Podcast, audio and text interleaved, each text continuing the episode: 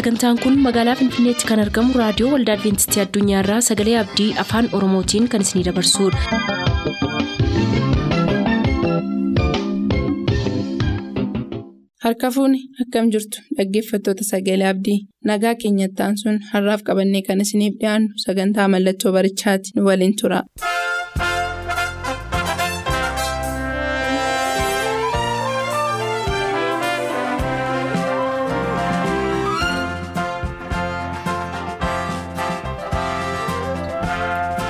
Mallattoo barichaa. Mallattoo barichaa. Mallattoo barichaa.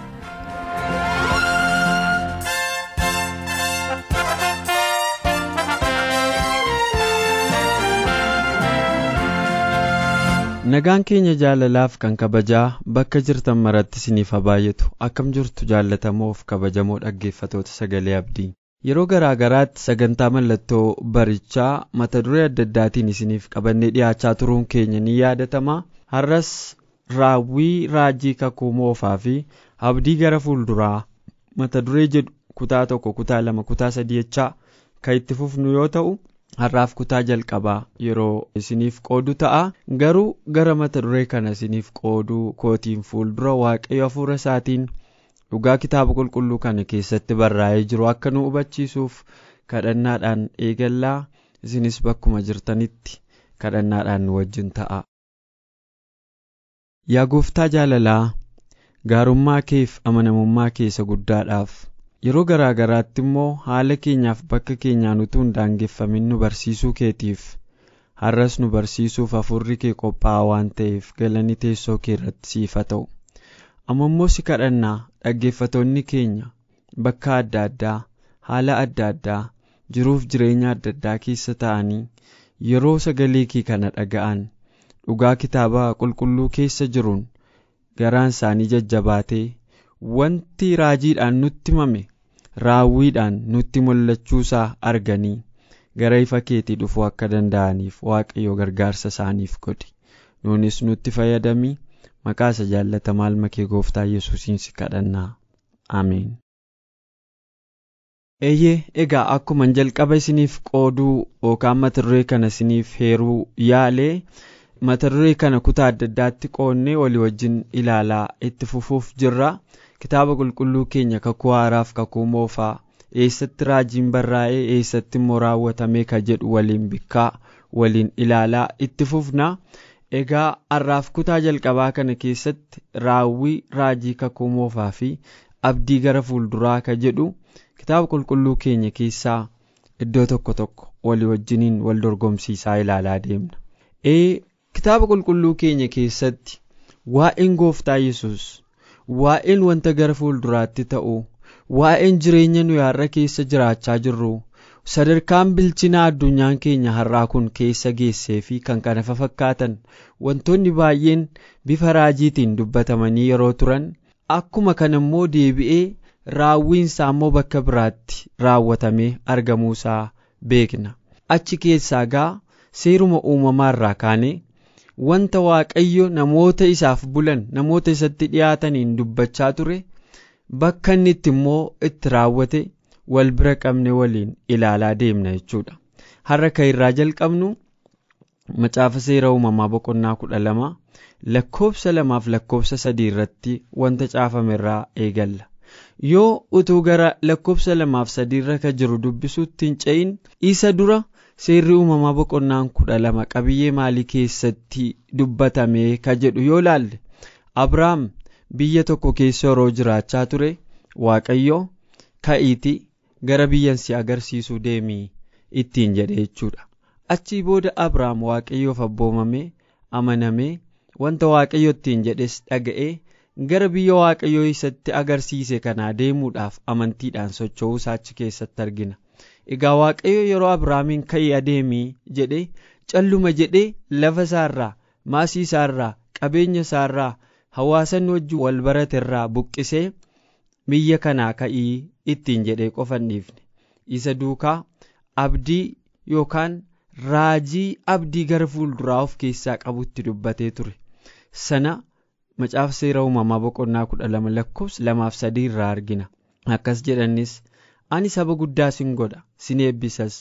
Maqaa kee nan guddisaa eebba sin taataa. Warra si eebbisan nan eebbisaa. Warra si salphisanis nan abaaraa qomoon biyya lafaarraa hundinuu sababii keetiif ni eebbifamu jechaatu eebba itti fufe jechuudhaan. Wanti kun yoom raawwataa ka jedhu abrahaam qofaaf utuu hin taane dhaloota yeroo sana tureefuu hin galle jechuudha. Garuu yeroo dheeraa booda wanti waaqayyo jedhe kun akka inni raawwatame dhaloonni hedduun ergaa darbanii booda namoonni hiikoo isaa hubatan eessatti raawwate ka jedhu? Dhuguma kitaaba qulqulluu keessatti wanti waaqayyo jedhe raajiin waaqayyo gara fuulduraatti hin ta'a jedhee dubbate.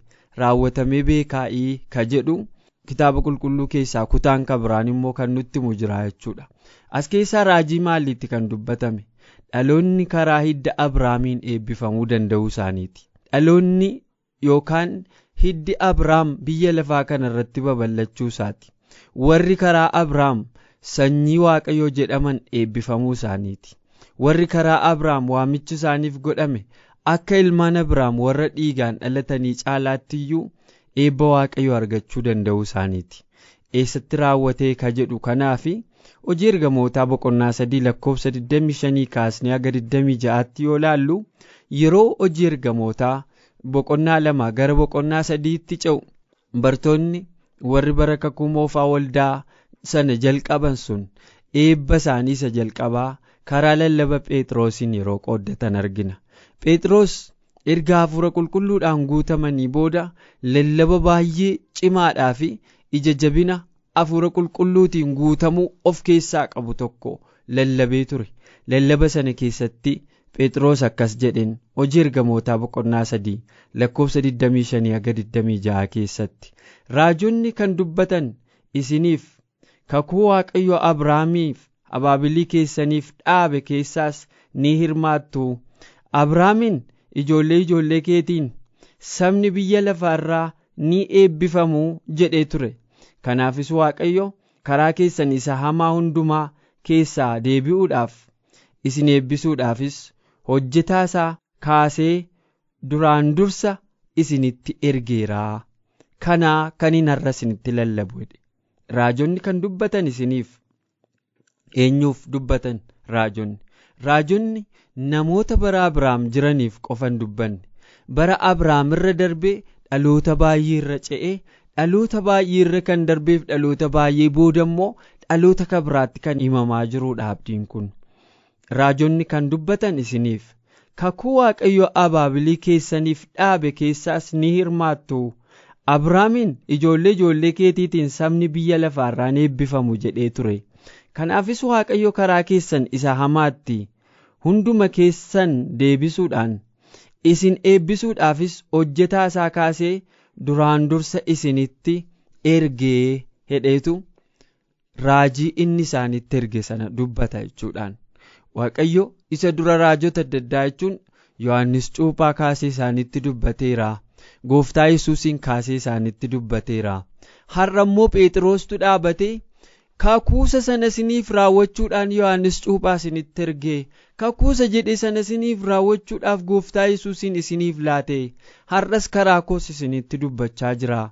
Kakuun suni isa waaqayyo uumama boqonnaa kudha lama lakkoofsa lamaaf sadii irratti abrahaamiin saba guddaan si godha sin eebbisasi maqaa kee nan guddisa eebba sin taata. Warra si eebbisan nan eebbisaa warra si salphisan nan abaaraa qomoon biyya lafaarraa hundinuu sababii keetiif ni eebbifamu jedhee kan abrahaamitti hime.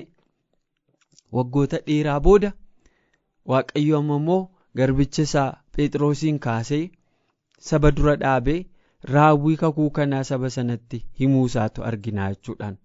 Al tokko tokko raajiin kitaaba qulqulluu keessatti caafame kun waan akkasumaanii wanta raawwii hin qabne yookiin waa maraatummaan dubbatamaa jiru fakkaachuu danda'a.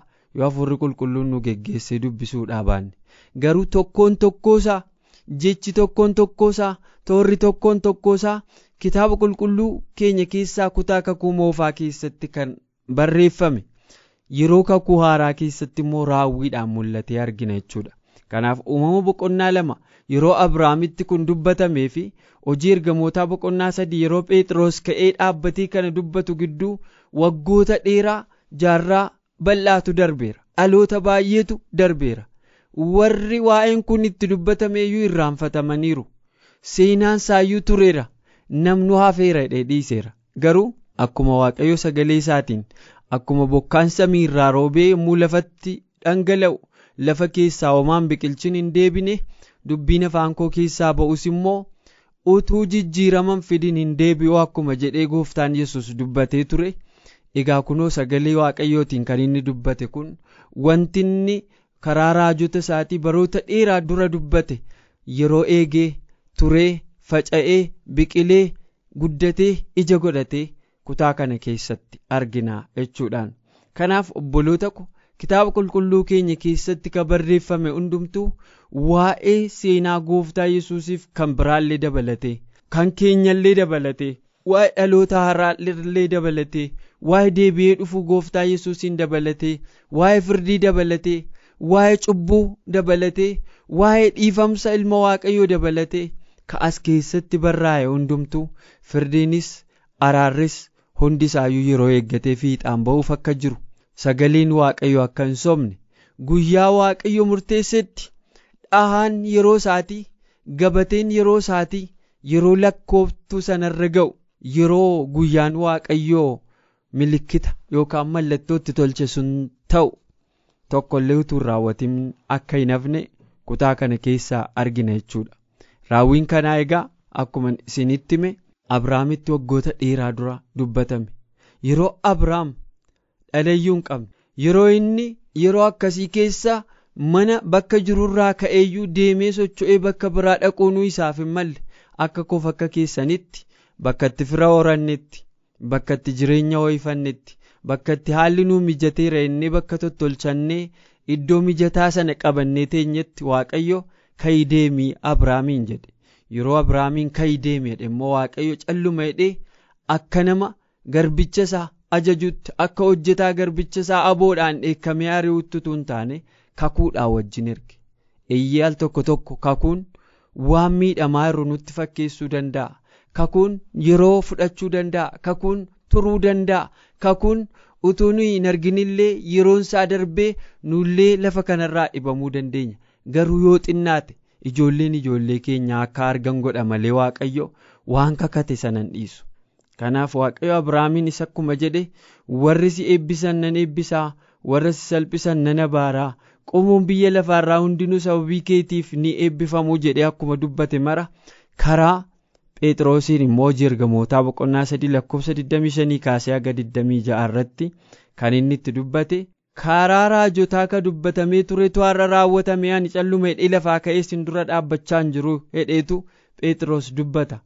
Isin maal akka taataniif karaa idda abrahaamiin akka eebbifamtaniif. Ijoollee abrahaam warra gudeedaa yookaan warra dhiigaan dhalatanii utuu hin taane ijoollee abrahaam warra kakuu warra afuuraa akka taataniif.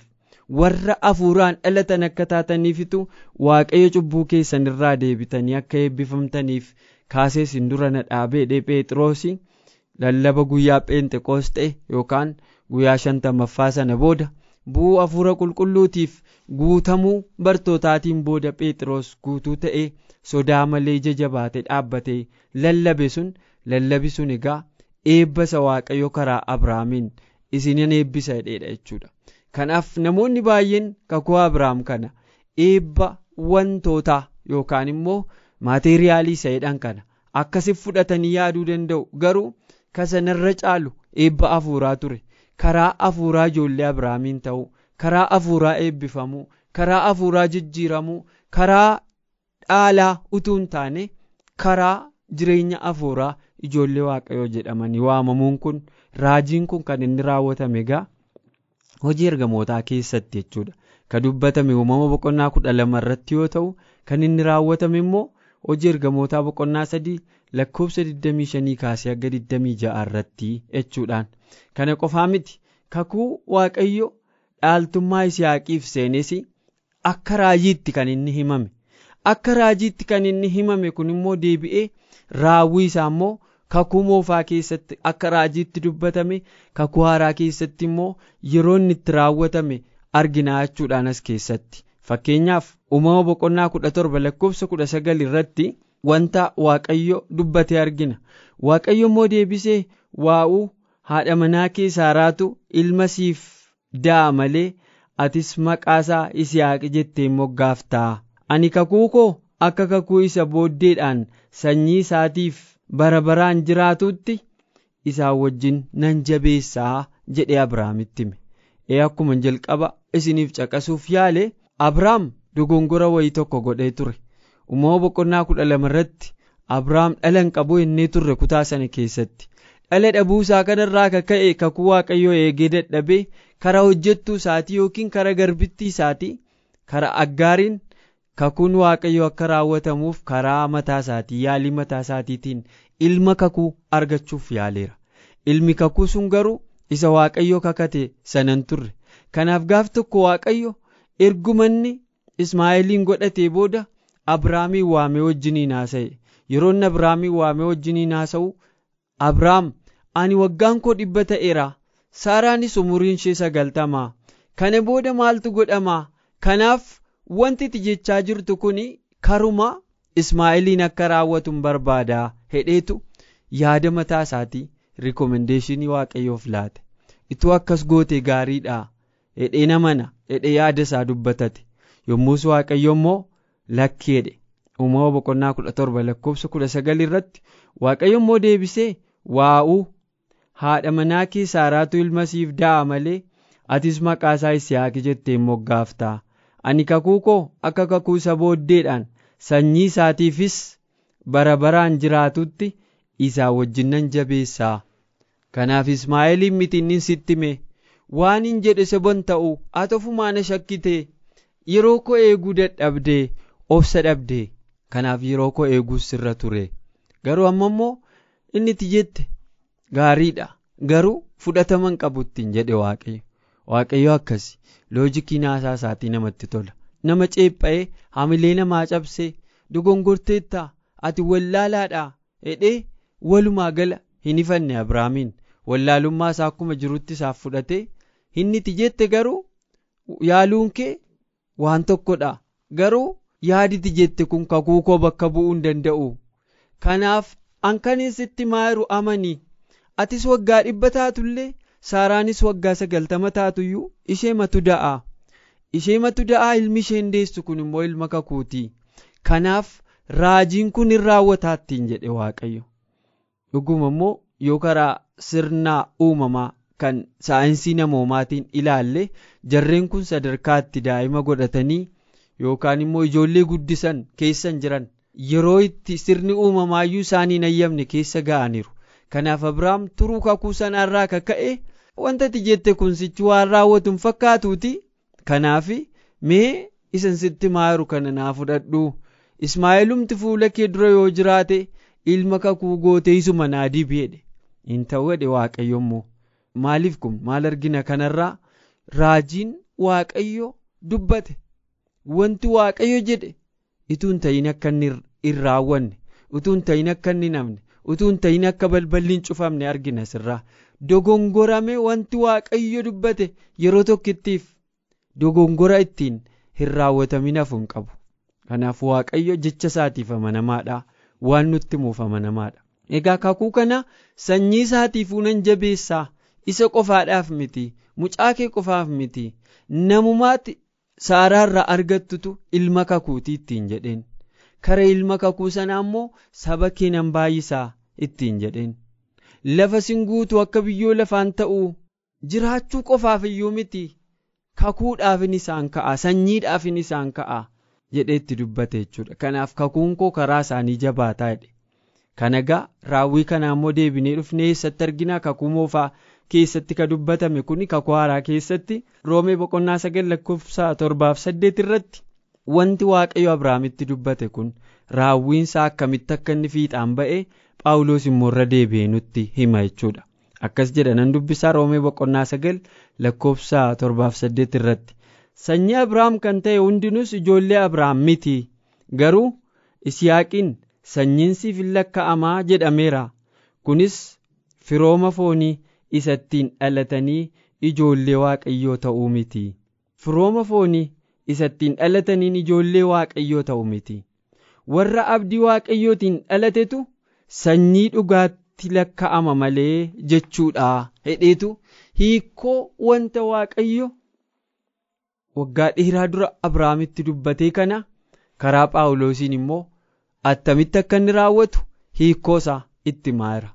Kanaaf phaawulos warra roomeetti yeroo lallabu isin sanyii abrahaamiittiin jedhe sanyii abrahaam attamittiin ta'uu dandeenyaa jedhanii namoonni sun gaaffii kaasaniif deebiin inni deebise sanyii abrahaam kan ta'e hundinuu ijoollee abrahaam miti utuu ijoollee abrahaam ta'anii qomoo abrahaam keessaan dhalatin hidda dhiigaa sanarraa utuu hin dhufinis ijoollee abrahaamiin ta'uun hin danda'ama hedheetti maara attamitti kan jedhuuf deebiinsa garuu siyaaqiin sanyiin siif hin lakkaa'ama jedhameera kunis firooma foonii isa ittiin dhalataniin ijoollee waaqayyoo ta'uu miti. Warra abdii waaqayyootiin dhalatetu sanyii dhugaatti lakkaa'ama ittiin jedhen. Kanaaf isin abdii waaqayyootiin dhalattanii kakuu yisihaaqiif seename sana keessaan dhuftanii kakuun sun immoo kakuu darbee dhalootatti ce'uudha dhalooti ijoollee yisihaaq irratti dhaabbate hin jiru. Akka qomootti yoo lakkoofne nu hundi keenya iyyuu warri har'a waa'ee isaa lallabne abdii sana fudhannee abdiin sun kan keenya jechaa jirru kun martuu sanyii yisihaaqiin ta'uu dhiisuu dandeenya. Garuu immoo karaa hafuuraatiin dhaalli sun nuuf darbe jechuudhaan. Kanaaf raajiin kun uumama boqonnaa kudha torba lakkoofsa kudha sagal irratti waaqayyoon abrahaamitti dubbatame raawwiinsaa immoo roomee boqonnaa sagal lakkoofsa torbaaf saddeet irratti attamittiin sanyiin abrahaam qomoon yisihaaq eebbi karaa abrahaam karaa yisihaaq karaa yaaqoob itti fufe kuni har'a dhaloota har'a bira jiru bira akka inni itti ga'e nuuf ibsa jechuudha. Kanaaf kitaaba qulqulluu keenya keessatti dubbatame kan hin raawwatamin hafe hin jiru. Kanaaf sagaleen waaqayyoo geggeessaa hafuura waaqayyootiin caafame ka jennuuf kanaafidha uumamni boqonnaan kudha torbaaf yeroon itti roomeen boqonnaan sagal dubbatame kun yeroo bal'aatu gidduu jira. Haa ta'u malee sababii turee fi sagalee waaqayyoo kun kakuu waaqayyoo kun utuu hin raawwatamin hin darbine jechuudha.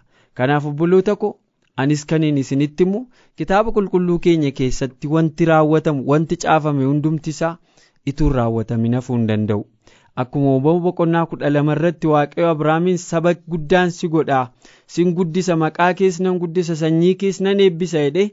Eebbisuun immoo hojii ergamootaa boqonnaa sadii lakkoofsa 25 kaasee aga 26tti karaa phexroosiin saba sana qaqqabee ture. Har'as waaqayyo wanti inni guyyoota dhumaatiin wal qabsiisee nutti hime utuu hin raawwatamin akka nafne isin hubachiisuun barbaada.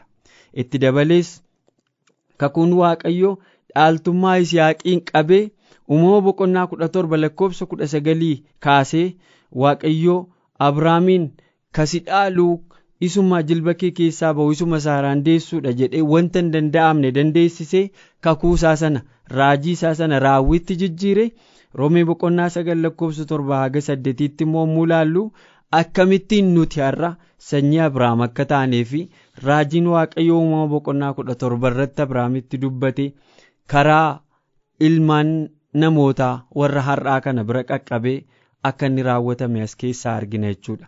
Kanaaf waa'een deebi'ee dhufuu gooftaa yesuusis dhugaadha jechuudha.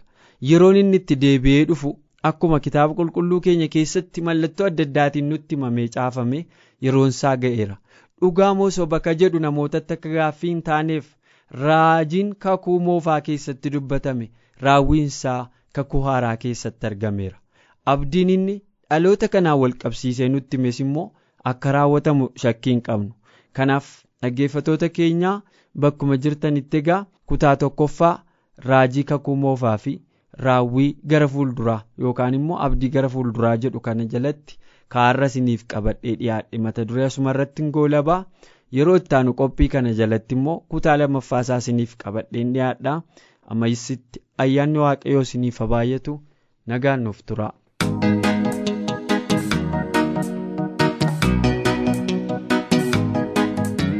sagantaa keenyaan eebbifamaa akka turtan abdachaa kanarraaf jenne xumurreerra. Nuuf bilbiluu kan barbaaddan lakkoobsa bilbila keenyaa duwwaa 11 551 11 99 duwwaa 11 551 11 99 nuuf barreessuu kan barbaadan ifaammoo lakkoobsa saanduqa poostaa 45 finfinnee. Lakkoobsa saanduqa poostaa 45 finfinnee.